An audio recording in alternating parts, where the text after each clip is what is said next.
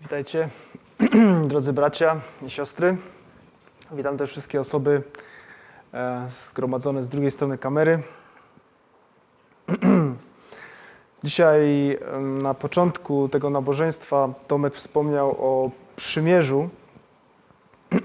Powiedział parę słów na ten temat, na, na temat przymierza człowieka z Bogiem. Przymierza, czyli jakiejś umowy, tak? układu, w którym możemy mm, wejść z Panem Bogiem.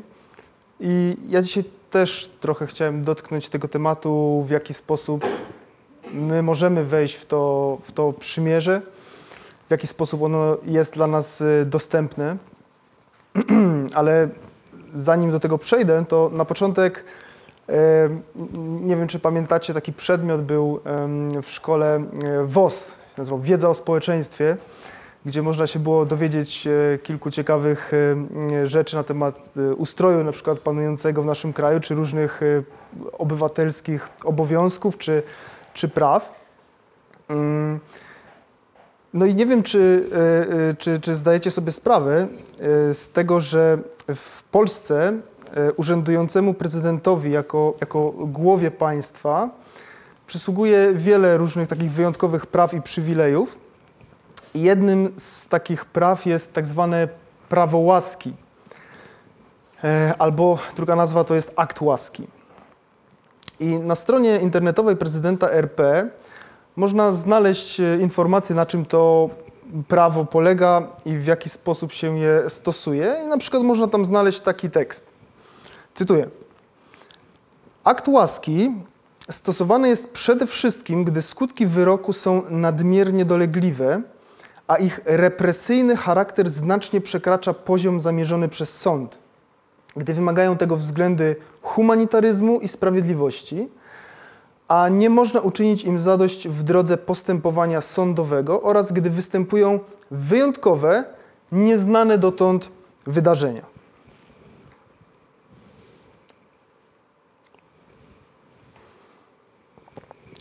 Jeszcze, jeszcze jeden cytat, też ze strony internetowej.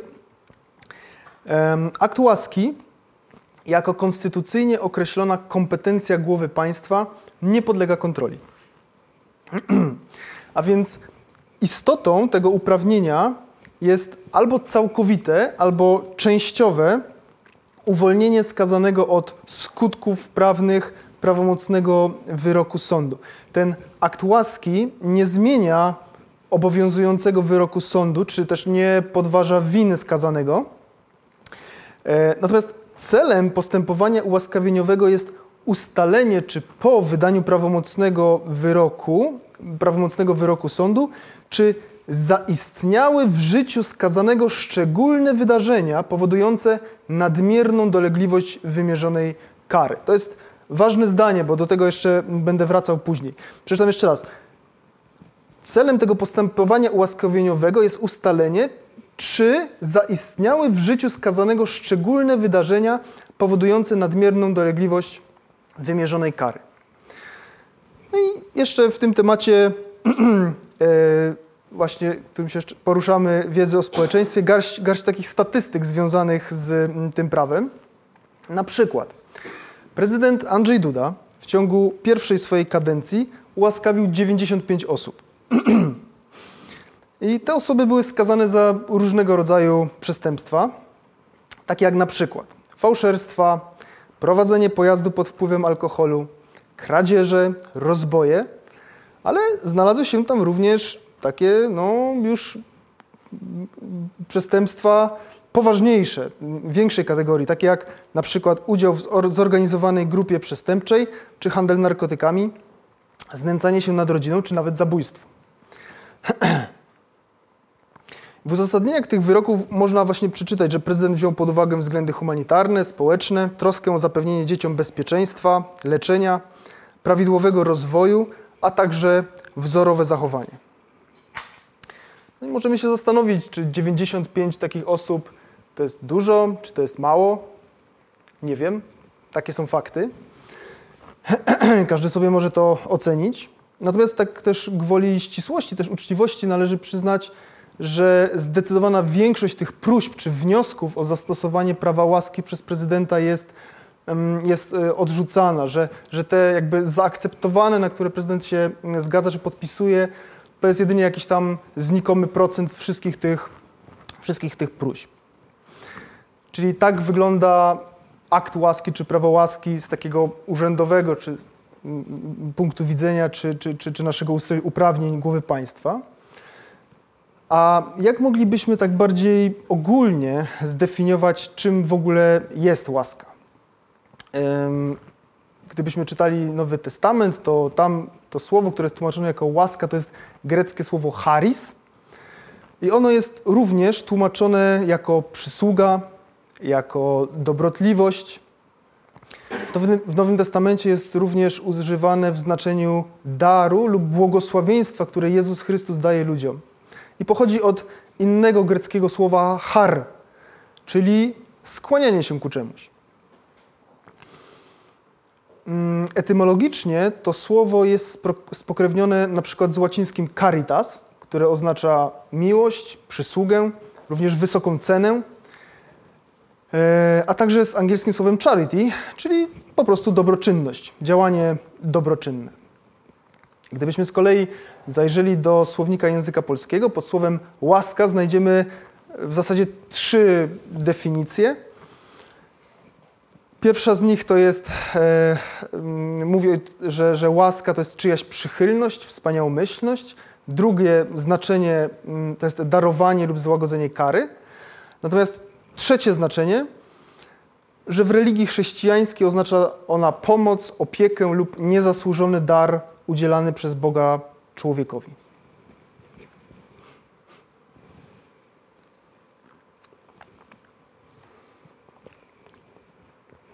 A czym jest łaska według Biblii? Pan Jezus, kiedy nauczał, kiedy rozmawiał z ludźmi, nie używał definicji ani słowników, nie, nie powoływał się na słownik języka greckiego. Natomiast posługiwał się przykładami, posługiwał się przypowieściami, w których odwoływał się do takiego codziennego życia słuchaczy, e, do, do sytuacji, do wydarzeń, które znali, które w jakiś sposób potrafili sobie wyobrazić, powiązać e, ze swoim życiem codziennym. I w ten sposób podawał im nie tylko definicję jakiejś, jakiegoś pojęcia, czegoś, czego chciał ich nauczyć, ale podawał również przykład, zastosowanie, a także, co bardzo ważne, taki ładunek emocjonalny, który pozwalał słuchaczom zrozumieć, zapamiętać i zastosować daną prawdę, którą im przekazywał. I na przykład ewangelista Łukasz napisał o Panu Jezusie takie słowa, to jest Ewangelia Łukasza 4,22 i wszyscy przyświadczali Mu i dziwili się słowom łaski, które wychodziły z ust Jego. Widzimy więc, że Pan Jezus, kiedy przemawiał do ludzi, do tłumów, to z Jego, jego słowa były interpretowane jako słowa łaski. No właśnie. Cóż to są za słowa łaski, które padały e, z ust Jezusa? I chciałbym dzisiaj popatrzeć na dwa fragmenty Nowego Testamentu, w których Pan Jezus dokładnie na ten temat naucza. I pierwszy z tych fragmentów to będzie z 18 rozdziału Ewangelii Mateusza. Zachęcam, żeby sobie otworzyć ten rozdział.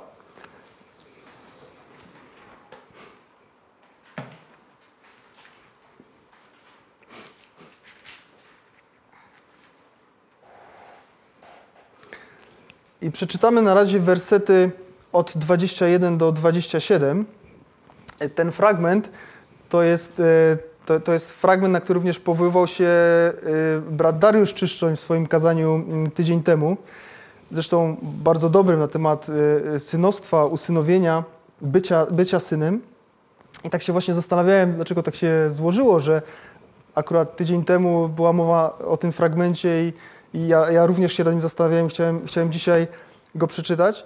Myślę, że jak, jak Pan Bóg coś powtarza dwa razy w Biblii, albo nawet więcej razy, to to zazwyczaj oznacza, że to jest coś bardzo ważnego, że to jest coś, na co powinniśmy zwrócić naszą szczególną uwagę, więc myślę, że z tym fragmentem również tak może, tak może być. Um, więc chciałem się dzisiaj z, z, też przyjrzeć mu, choć może z nieco innej perspektywy niż, niż y, tydzień temu. Przeczytam teraz od 21 do 27 na razie. Wtedy podszedł Piotr i zapytał: Panie, ile razy mam wybaczać mojemu bratu, jeśli zgrzeszy przeciwko mnie? Czy aż do siedmiu razy?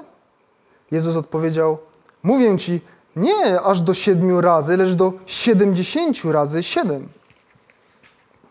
Dlatego Królestwo Niebios przypomina pewnego króla, który postanowił uporządkować rachunki z poddanymi. W trakcie tych porządków przyprowadzono mu jednego dłużnika winnego 10 tysięcy talentów. A ponieważ nie miał z czego oddać, król polecił go sprzedać wraz z żoną, dziećmi oraz całym dobytkiem i w ten sposób odzyskać pożyczkę. Zadłużony sługa padł jednak na kolana i zaczął prosić: Okaż mi cierpliwość, oddam ci wszystko. I pan zlitował się nad nim, uwolnił go, a dług umorzył. Na razie tyle. Widzimy więc, że w tej przypowieści, ta przypowieść opowiada o, o królu, prawdopodobnie jakimś bogatym człowieku, który chciał się rozliczyć ze swoimi sługami. No i znalazł jedną taką osobę, jednego sługę, który był mu winien 10 tysięcy talentów. Co to znaczy 10 tysięcy talentów? Nie jest tutaj sprecyzowane w tym tekście, czy chodzi o 10 tysięcy talentów złota czy srebra, bo oba jak gdyby pojęcia funkcjonowały w tamtych czasach. Natomiast wiadomo, że talent jako taki to jest jednostka wagi około 30 kg. Różnie, w różnych czasach różne były definicje od 29 do 36 kg, ale również była używana na określenie pewnej bardzo konkretnej ilości pieniędzy, równowartości jakby talentu jakiegoś kruszcu, złota lub srebra.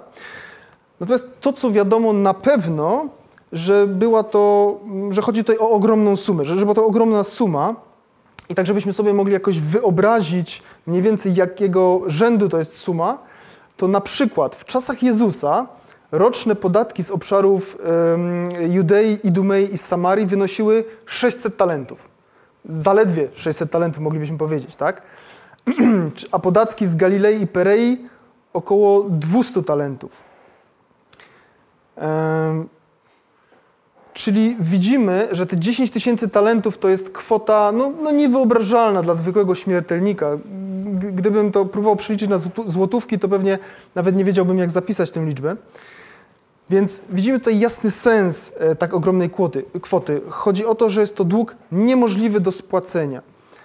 Mm, widzimy, że nawet gdyby ten człowiek zaharował się na śmierć, to no, nigdy nie byłby w stanie spłacić tak ogromnego długu. Jakie są konsekwencje posiadania takiego, e, takiego ogromnego długu? No, widzimy, że to, to, nie są, to nie jest błaha sprawa, to nie są przelewki i konsekwencje niespłacenia mm, tego długu są niezwykle, niezwykle dotkliwe. Temu człowiekowi grozi, temu dłużnikowi grozi sprzedanie do niewoli wraz z całą rodziną. I rzeczywiście prawo mojżeszowe dopuszczało możliwość zostania niewolnikiem wierzyciela w przypadku braku wypłacalności dłużnika. E, natomiast mm, można tam znaleźć takie zastrzeżenie, że niewolnicy pochodzenia hebrajskiego nie mogli być sprzedawani. E, natomiast w sensie odsprzedawani dalej. Natomiast jeśli chodzi o, o niewolników cudzoziemców, nie Hebrajczyków, to takiego ograniczenia już, już nie było. Nie znamy oczywiście pochodzenia tego dłużnika z przypowieści, czy gdzie w ogóle ta, ta sytuacja miała miejsce, natomiast widać, że w praktyce handel niewolnikami również pochodzenia hebrajskiego był praktykowany, o czym Biblia w innych miejscach również wspomina.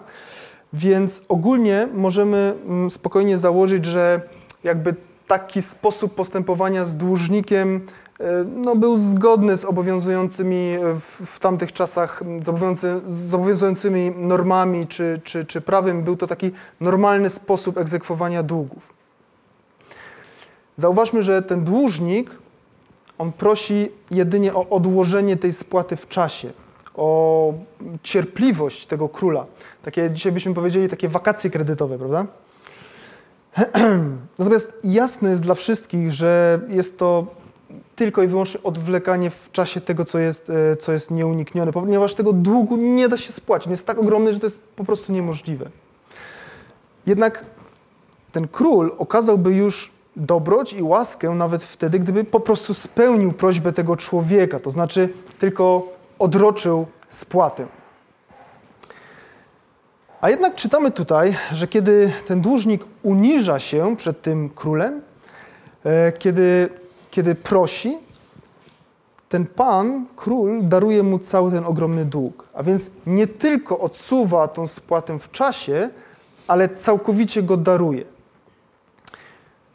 Dla nas myślę, że to coś całkowicie nie do wyobrażenia. Mm, król, ten król okazuje dłużnikowi dużo większą dobroć i łaskę niż ten oczekiwał i o, i o jaką śmiał prosić. Zauważmy też, że gdyby ten król wyegzekwował dług, czyli gdyby sprzedał tego człowieka mm, wraz z całą jego rodziną w niewolę, w ten sposób chociaż część tego długu odzyskał, pokrył część tych strat, to nie moglibyśmy mu nic zarzucić. No bo tak jak mówiłem, postąpiłby całkowicie sprawiedliwie i zgodnie z obowiązującym prawem. Tak sugeruje nam kontekst tej, tej przypowieści. I jeśli chodzi o taką analogię do rzeczywistości duchowej, którą, którą mm, w tej przypowieści, którą tutaj czytamy, to jest ona dość oczywista, prawda? Król to oczywiście Pan Bóg, a dłużnik to jest każdy z nas. A dług? Co to jest w takim razie dług?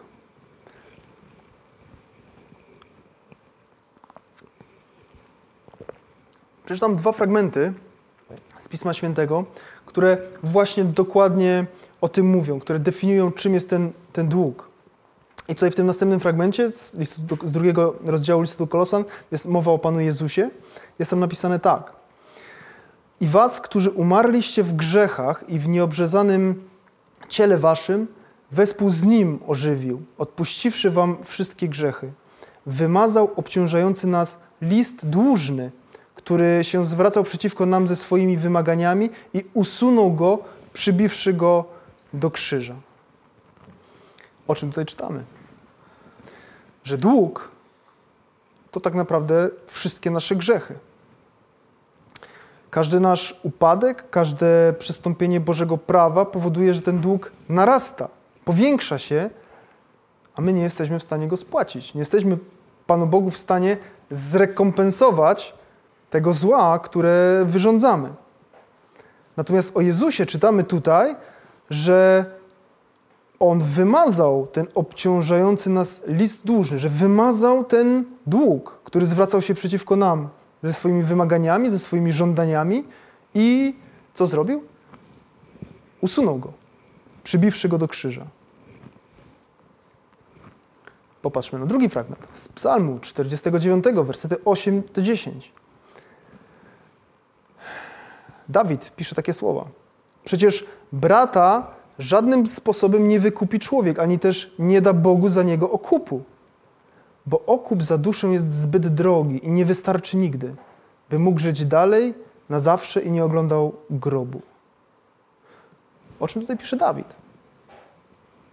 Że człowiek nie jest w stanie spłacić tego długu. Że człowiek nie jest w stanie dać Bogu okupu za duszę swoją albo innego człowieka. Że ten okup jest zbyt wysoki. Nie stać nas na niego.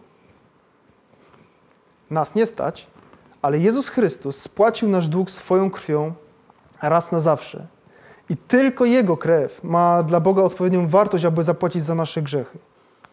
I właśnie na tym polega Boża łaska.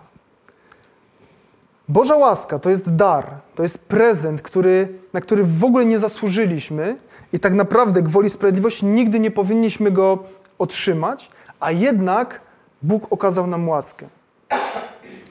Nie ma żadnych okoliczności łagodzących, które mogłyby przekonać sędziego albo jakiegoś prezydenta do tego, że zagrażający nam wymiar kary jest nieadekwatny do naszej winy. Ale jest pewne szczególne wydarzenie powodujące nadmierną dolegliwość wymierzonej kary. To nie jest wydarzenie w naszym życiu, ale w życiu Jezusa Chrystusa. Jego śmierć i zmartwychwstanie. To jest szczególne wydarzenie, na podstawie którego Bóg udziela nam prawa łaski. To jest wydarzenie, które miało miejsce w życiu Jezusa Chrystusa, ale jeśli w Niego uwierzymy, jeśli staniemy się Jego uczniami, naśladowcami, jeśli pójdziemy za Nim, to na podstawie tej decyzji Jego śmierć i zmartwychwstanie stają się również wydarzeniami w naszym życiu i uwalniają nas od tego długu. Uwalniają nas od kary za nasze grzechy, uwalniają nas od piekła. I to jest właśnie to wydarzenie, które powoduje nadmierną dolegliwość wymierzonej kary. Pamiętacie to, co czytaliśmy, e, co odnosiło się do praw prezydenta, kiedy jest udzielano prawa łaski? Musiało się po, pojawić szczególne wydarzenie, które powodowało nadmierną dolegliwość wymierzonej kary. W naszym przypadku, w przypadku każdej osoby, która pójdzie za Jezusem, to właśnie On, Jezus Chrystus, zapłacił tą karę. No bo przecież nie można dwa razy ukarać nikogo za to samo, prawda? Nawet, nawet ludzkie systemy przestrzegają y, tej podstawowej zasady, fundamentalnej zasady. Mm, ona ma nawet swoją nazwę, nebis in idem. To z łaciny oznacza nie dwa razy w tej samej sprawie. Nie można nikogo karać dwa razy w tej samej sprawie. A Jezus Chrystus już poniósł karę za nasz dług, za nasze grzechy. Wracając do tej przypowieści, e, gdyby Pan Bóg zdecydował, że każdy człowiek ma ponieść konsekwencje swoich grzechów i został wtrącony na wieczność do piekła, to zauważcie, postąpiłby całkowicie sprawiedliwie, całkowicie zgodnie z prawem i nic nie moglibyśmy mu zarzucić. A jednak przez swojego Syna okazał nam łaskę i odstąpił od wymierzenia sprawiedliwej kary tym, którzy uwierzą i którzy się przed Nim uniżą, tak jak ten dłużnik przed królem. Ta przypowieść to właśnie przypowieść o łasce, o niezasłużonym prezencie, który otrzymaliśmy od Boga.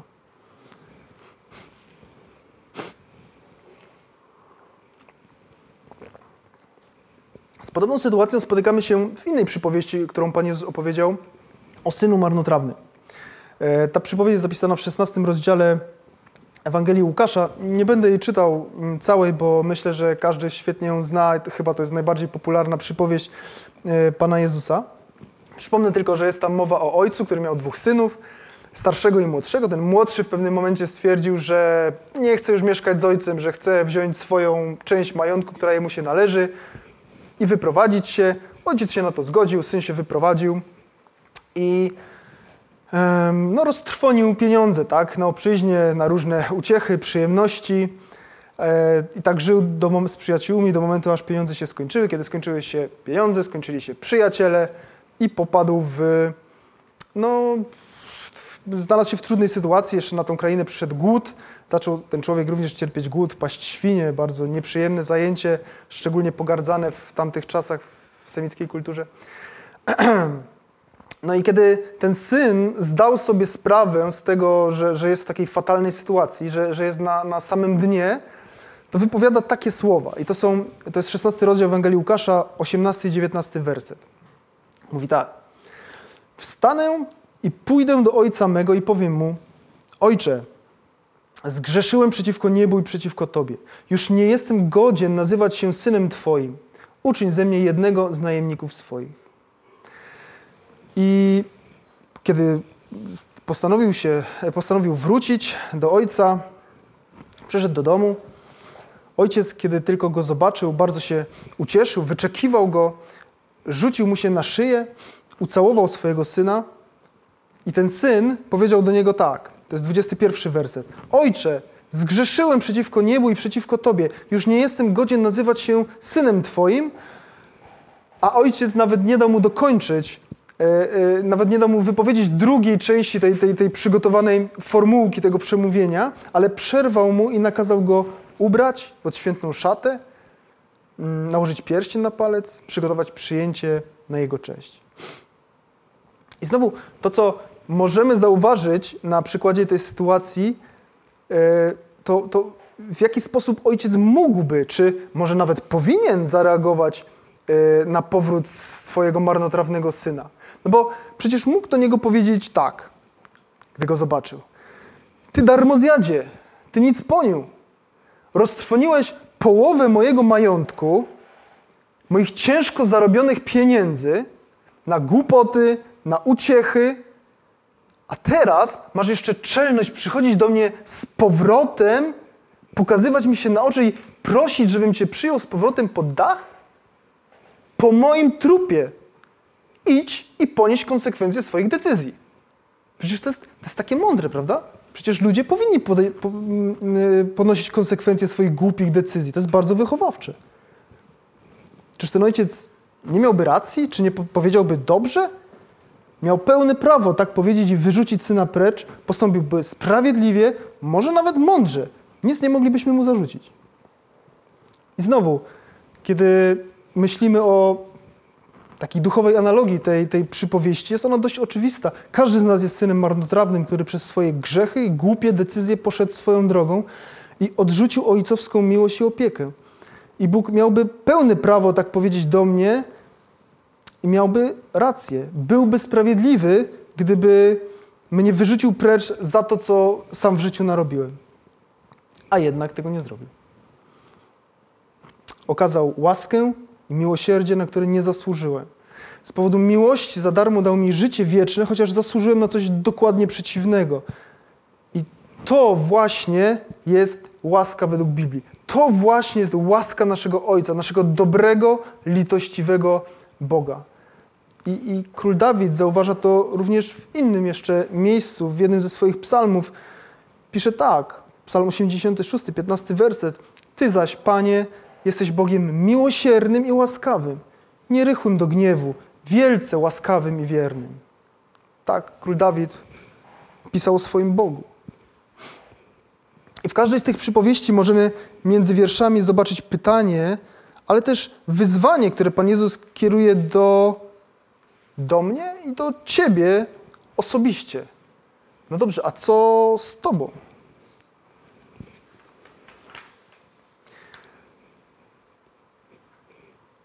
Czy rozumiesz, czy wierzysz w to, że swoimi grzechami zaciągnąłeś sobie u Boga dług, którego nie jesteś w stanie żadnym sposobem spłacić? Jesteś dłużnikiem swojego króla, jesteś swojemu Bogu winien 10 tysięcy talentów. Czy rozumiesz, że jeśli nic z tym nie zrobisz, to Bóg wyegzekwuje ten dług i wtrąci cię do piekła? Czy wierzysz, że Jezus Chrystus spłacił ten dług na krzyżu i chce ci okazać łaskę? Chce ci okazać łaskę i darować tą karę? Czy uniżyłeś się przed Nim tak jak ten dłużnik? Czy wyznałeś swoje grzechy tak jak ten syn marnotrawny? Czy przyjąłeś tę łaskę? I co za tym idzie? Życie wieczne. Dalszy ciąg tego kazania jest dla osób, które na to pytanie odpowiedziały pozytywnie. Bo jeśli odpowiedziałeś negatywnie, to ciężko coś więcej tutaj powiedzieć dodatkowego.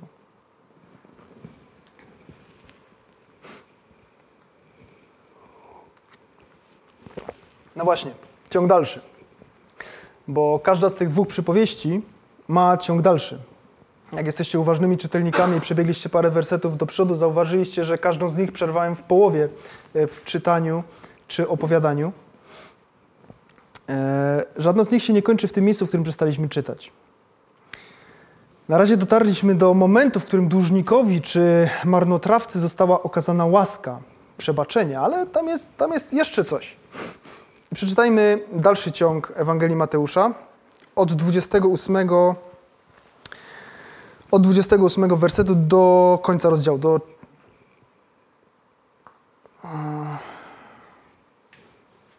do 35. Ułaskawiony dłużnik wyszedł i wtedy spotkał kolegę, sługę, podobnie jak on sam, który był mu winien 100 denarów. Doskoczył do niego, chwycił go za gardło i syknął. Oddaj coś winien. Kolega zaś padł na kolana i zaczął prosić: Okaż mi cierpliwość, oddam ci wszystko. Lecz ułaskawiony dłużnik nie przystał na to, przeciwnie, doprowadził do uwięzienia kolegi na czas spłaty długu. Gdy inni poddani dowiedzieli się o tym, co zaszło, zrobiło im się przykro. Poszli też i o wszystkim, co się stało, dokładnie opowiedzieli Panu. Wtedy król wezwał sługę do siebie i zarzucił mu: Ty niegodziwcze, umorzyłem ci cały dług, dlatego że mnie prosiłeś. Czyli ty nie powinieneś zlitować się nad swoim kolegą, tak jak ja zlitowałem się nad tobą? I rozgniewany wydał go dozorcom więziennym, by zajęli się nim, dopóki wszystkiego nie spłaci. Podobnie mój ojciec w niebie uczyni z wami, jeśli któryś z was z całego serca nie przebaczy swemu bratu. No więc mamy ciąg dalszy. Dłużnik ułaskawiony, wychodzi, jakiś czas później, niedługi, spotyka swojego dłużnika, który jest mu winien 100 e, denarów. Porównanie 100 denarów z 10 tysiącami talentów to jest, to, to, w porównaniu to jest, to jest śmieszna kwota. To jest e, e, trzymiesięczna wypłata, wypłata robotnika najemnego w tamtych czasach. Oczywiście wciąż są to jakieś znaczące pieniądze, ale zupełnie nieporównywalne z ogromnym długiem 10 tysięcy talentów, tak? A jednak ten człowiek nie odpuszcza swojemu koledze, współsłudze tego, tego długu i zmusza go do, do spłaty, wtrąca go do więzienia, aby go zmusić do oddania tych pieniędzy.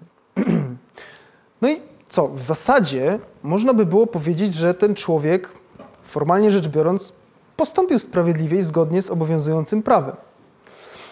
Ale w oczach tego króla i jego sług to zachowanie było całkowicie niewłaściwe i nieadekwatne do tego, czego sam przed chwilą doświadczył. Widzimy więc na przykładzie tej przypowieści, że historia nie kończy się na tym, że komuś zostaje okazana łaska, że ktoś się staje beneficjentem łaski, ale razem z przebaczeniem, którego doświadczamy, pojawia się pewne moralne zobowiązanie, aby nie tylko z łaski korzystać, ale także, aby łaskę okazywać innym. Tak, ponieważ my również możemy i powinniśmy okazywać łaskę. Całą tę przypowieść Pan Jezus powiedział w kontekście rozmowy z Piotrem o przebaczeniu. Czytaliśmy na samym początku, ona się zaczęła rozmową Pana Jezusa e, z Piotrem o przebaczeniu. Piotr pytał go, ile razy ma wybaczyć bliźniemu, czy aż do siedmiu razy. Pan Jezus mu odpowiada, nie aż siedem razy, ale siedem razy po siedemdziesiąt siedem. Ponieważ łaska i przebaczenie idą ze sobą w parze, idą ręka w rękę, a Pan Jezus za pomocą tej przypowieści uczy nas, że po pierwsze nam okazano łaskę i darowano dług, którego nigdy nie bylibyśmy w stanie spłacić sami, ale także, że w konsekwencji sami mamy być litościwi i miłosierni jak Bóg i okazywać łaskę i przebaczać tym, którzy zawinili wobec nas. Tym bardziej, że ta ich wina, ten ich dług wobec nas jest nieporównywalnie mniejszy od naszej winy wobec świętego i doskonałego Boga. I tydzień temu e, e, brat Dariusz cytował taki, taki inny fragment, który kończy modlitwę pańską Ojcze Nasz. On jest też z Ewangelii Mateusza z 6 rozdziału, 14 i 15 werset. Tam jest napisane tak. Bo jeśli odpuścicie ludziom ich przewinienia, odpuści i wam Ojciec Wasz Niebieski. A jeśli nie odpuścicie ludziom i ojciec was i ojciec wasz nie odpuści wam przewinień waszych. I ten fragment również pokazuje nam dokładnie tą samą prawdę, tak? Że istnieje ścisła zależność pomiędzy tym, że my doświadczyliśmy łaski i przebaczenia, a tym, że jesteśmy zobowiązani, moralnie zobowiązani do tego, aby również przebaczać i odpuszczać winę tym, którzy zawinili wobec nas, innym ludziom, aby okazywać łaskę innym ludziom. I ostatnim razem, mm, kiedy mówiłem tutaj nieco na temat tak zwanego kazania na równinie, tam również wspominałem o tym, że chrześcijanin to jest taki człowiek, który powinien być nastawiony na stratę, na krzywdę, na brak wzajemności. Tutaj zacytuję inny fragment z Ewangelii Łukasza tym razem, 35 i 36 werset. Ale miłujcie nieprzyjaciół waszych i dobrze czyńcie i pożyczajcie, nie spodziewajcie się zwrotu, a będzie obfita nagroda wasza i synami Najwyższego będziecie, gdyż On dobrotliwy jest i dla niewdzięcznych, i dla złych. Bądźcie miłosierni, jak miłosierny jest Ojciec wasz. Właśnie tego, dokładnie tego oczekuje od nas Jezus. Takiego miękkiego serca, takiego serca pełnego łaski, które jest gotowe dawać, które gotowe jest odpuszczać, które gotowe jest przebaczać, również tym, którzy na to nie zasługują, ponieważ my sami nie zasługujemy na Boże przebaczenie. Pan Jezus wzywa nas, żebyśmy miłowali nieprzyjaciół i ludzi, którzy są niewdzięczni, źli, ponieważ sam Bóg jest dobrotliwy dla takich ludzi. I takim również jesteśmy zobowiązani okazywać łaskę.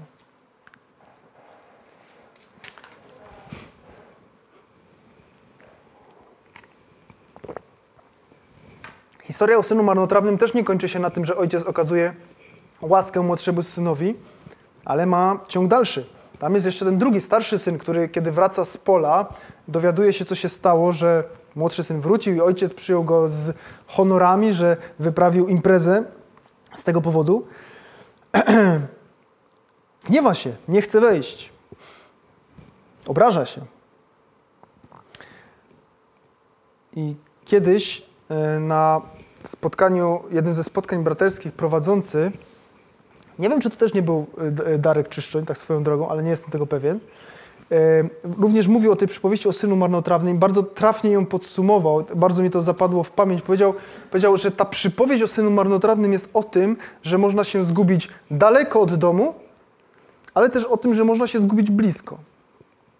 I w tamtych czasach taki bezpośredni kontekst, czy, czy zrozumienie tej przypowieści o, oczywiście było takie, że to odnosiło się do pogan, którzy zgubili się z dala od Boga, ale też do Żydów, którzy zgubili się będąc blisko Boga, świątyni, czy mając częsty kontakt z Jego Słowem. I to właśnie Żydzi, podobnie jak ten starszy syn, patrzyli z taką no, zazdrością w czasach Jezusa i później, kiedy Kościół powstawał i rósł w siłę, Żydzi patrzyli z taką zazdrością, niektórzy oczywiście, na tą łaskę, którą Pan Bóg okazał poganom, a na którą według nich no, nie zasługiwali, no bo przecież to oni, Izraelici, są synami Abrahama, to oni są dziedzicami Bożych obietnic, a nie ci pożałowania godni, ślepi i głupi poganie, prawda? I to jest właśnie ten drugi sposób myślenia. To jest taki drugi błąd, w, którym możemy, w który możemy również my wpaść, a przed którym Pan Jezus nas ostrzega. Abyśmy nie patrzyli zazdrosnym okiem, kiedy Bóg okazuje łaskę innym ludziom, którzy może według naszej oceny są gorsi od nas, którzy mniej niż my na to zasługują, którzy są może bardziej grzeszni od nas ponieważ niezależnie od tego, czy ktoś się zgubił daleko od domu ojca, czy blisko domu ojca, niezależnie czy odszedł daleko, czy odszedł tylko kawałek, tak samo potrzebuje jego miłosierdzia, przebaczenia i łaski. Na koniec chciałem popatrzeć jeszcze na jeden e, fragment i jakby przeczytać, zastanowić się nad jedną ważną właściwością Bożej łaski. To jest z listu Pawła do Efezjan, drugi rozdział. Otwórzmy sobie go. Drugi rozdział listu do Efezjan i wersety od 4 do 10.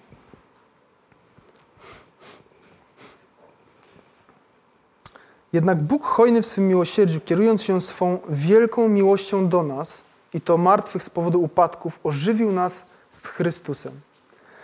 Bo z łaski jesteście zbawieni. On nas wraz z Chrystusem przywrócił do życia i wraz z Nim umieścił na wysokościach nieba. Uczynił to w Chrystusie Jezusie, aby ukazać w nadchodzących wiekach nadzwyczajne bogactwo swojej łaski w dobroci względem nas. Właśnie w Chrystusie Jezusie. Gdyż z łaski jesteście zbawieni przez wiarę.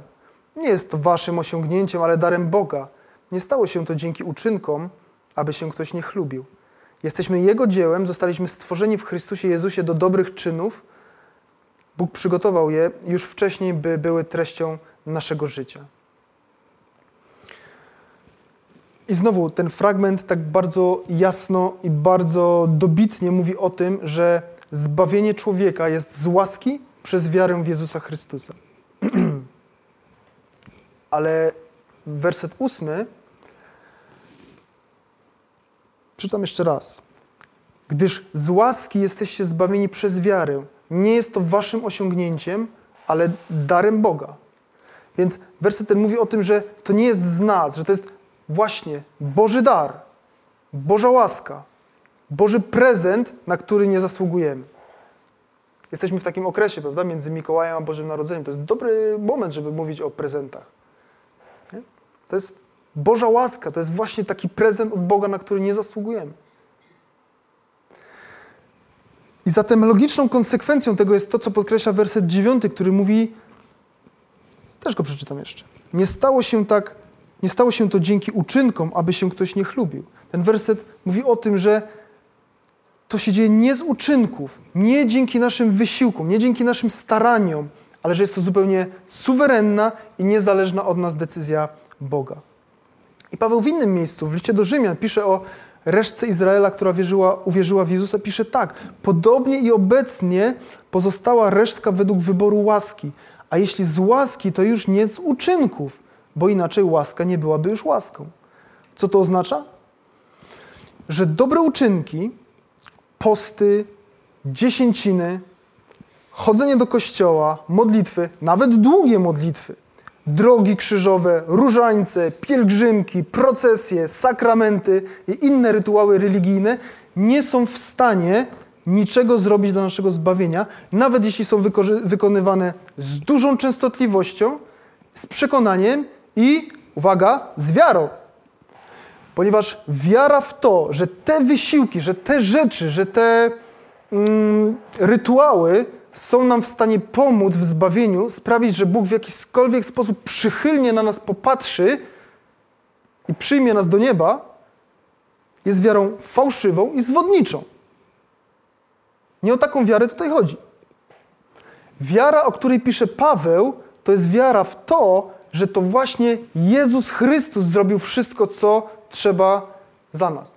Że to Jezus Chrystus zrobił wszystko, co trzeba na krzyżu. I kropka. To jest właśnie ta wiara. My możemy ją jedynie przyjąć, tak samo jak możemy przyjąć tą łaskę, która za nią idzie. Gdybyśmy mogli cokolwiek osiągnąć w tej sprawie naszymi uczynkami, to już nie byłaby więcej łaska Boga, już nie byłby więcej dar, prezent, ale wynagrodzenie, zapłata.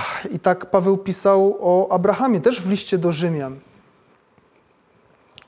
A gdy kto spełnia uczynki, zapłaty za nie nie uważa się za łaskę, lecz za należność. Gdy zaś kto nie spełnia uczynków, ale wierzy w tego, który usprawiedliwia bezbożnego, wiarę jego poczytuje mu się za sprawiedliwość. A więc nie należność, nie zapłata za coś, za jakieś uczynki, ale łaska.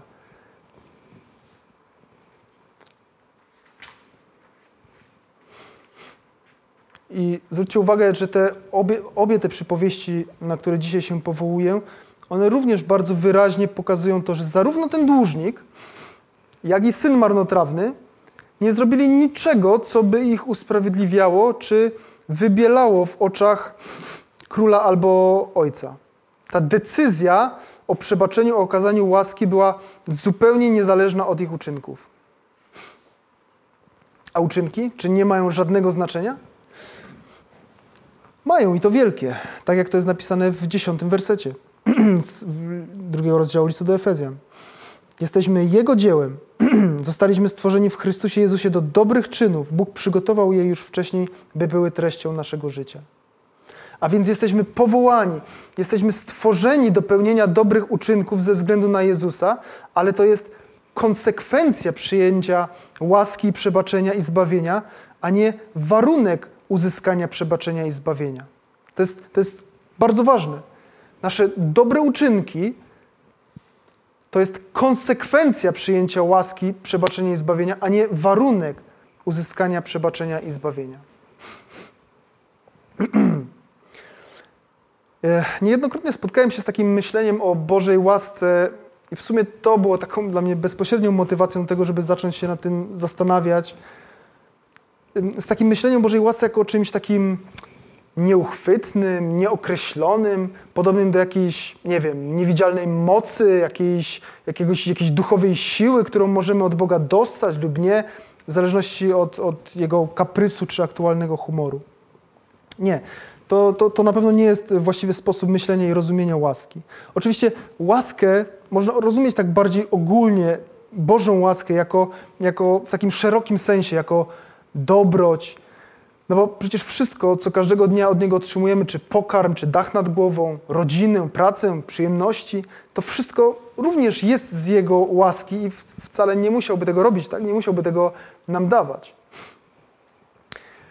W ten sposób Pan Bóg troszczy się nie tylko o ludzi, ale tak naprawdę o każde swoje stworzenie, któremu dostarcza to, czego, czego potrzebuje. Ale dzisiaj szczególnie mówimy o tej, tym, tym niezwykłym rodzaju łaski, jedynym swoim rodzaju, o tym prawie czy akcie łaski, który wykracza poza nasze doczesne życie, którego konsekwencje wykraczają poza nasze doczesne życie, a które sprawia, że wieczność z Bogiem jest dla nas dostępna na wyciągnięcie ręki, pomimo że na to nie zasłużyliśmy.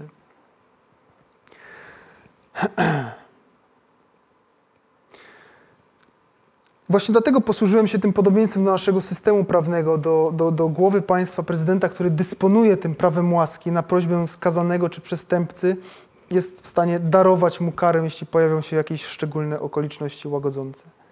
Jeszcze raz to powiem. Łaska Boża to przede wszystkim niezasłużony dar odpuszczenia grzechów, zmazania długu, który zaciągnęliśmy naszymi złymi uczynkami u Boga. I ten dar możemy jedynie przyjąć wiarą albo odrzucić. Nie jesteśmy w stanie na niego zasłużyć ani zapracować. No właśnie, czasem używamy tego powiedzonka łaski bez, prawda? Łaski bez albo bez łaski. Kiedy, kiedy używamy tego stwierdzenia? Kiedy ktoś nie chce spełnić naszej prośby, kiedy ktoś nam nie chce pomóc i, w jaki sposób chcemy zachować tak, jakieś resztki naszej godności, czy wyjść z danej sytuacji w, z twarzą, tak? ktoś, ktoś nam odmawia i wtedy możemy rzucić to lekceważące pff, łaski bez. Bez łaski, poradzę sobie, dam radę, nie muszę na tobie polegać. Wiecie, w przypadku relacji międzyludzkich może tak czasem się uda, ale w przypadku naszej relacji z Bogiem to, to nie jest najlepszy pomysł, żeby tak mówić. Ponieważ nie mamy nic innego, nie mamy żadnej alternatywy, na której moglibyśmy polegać w sprawie naszego życia wiecznego, niż właśnie ta Jego łaska, którą nam okazał. Ta niezwykła łaska, którą okazał w Jezusie Chrystusie. Więc nie jest mądrą rzeczą mówić do Boga łaski bez. Przyjmijmy tą Jego łaskę. I na koniec ostatni werset z Psalmu 107. Kto mądry, niech tego przestrzega. Niech się zastanowi nad łaską Jahwe. Amen.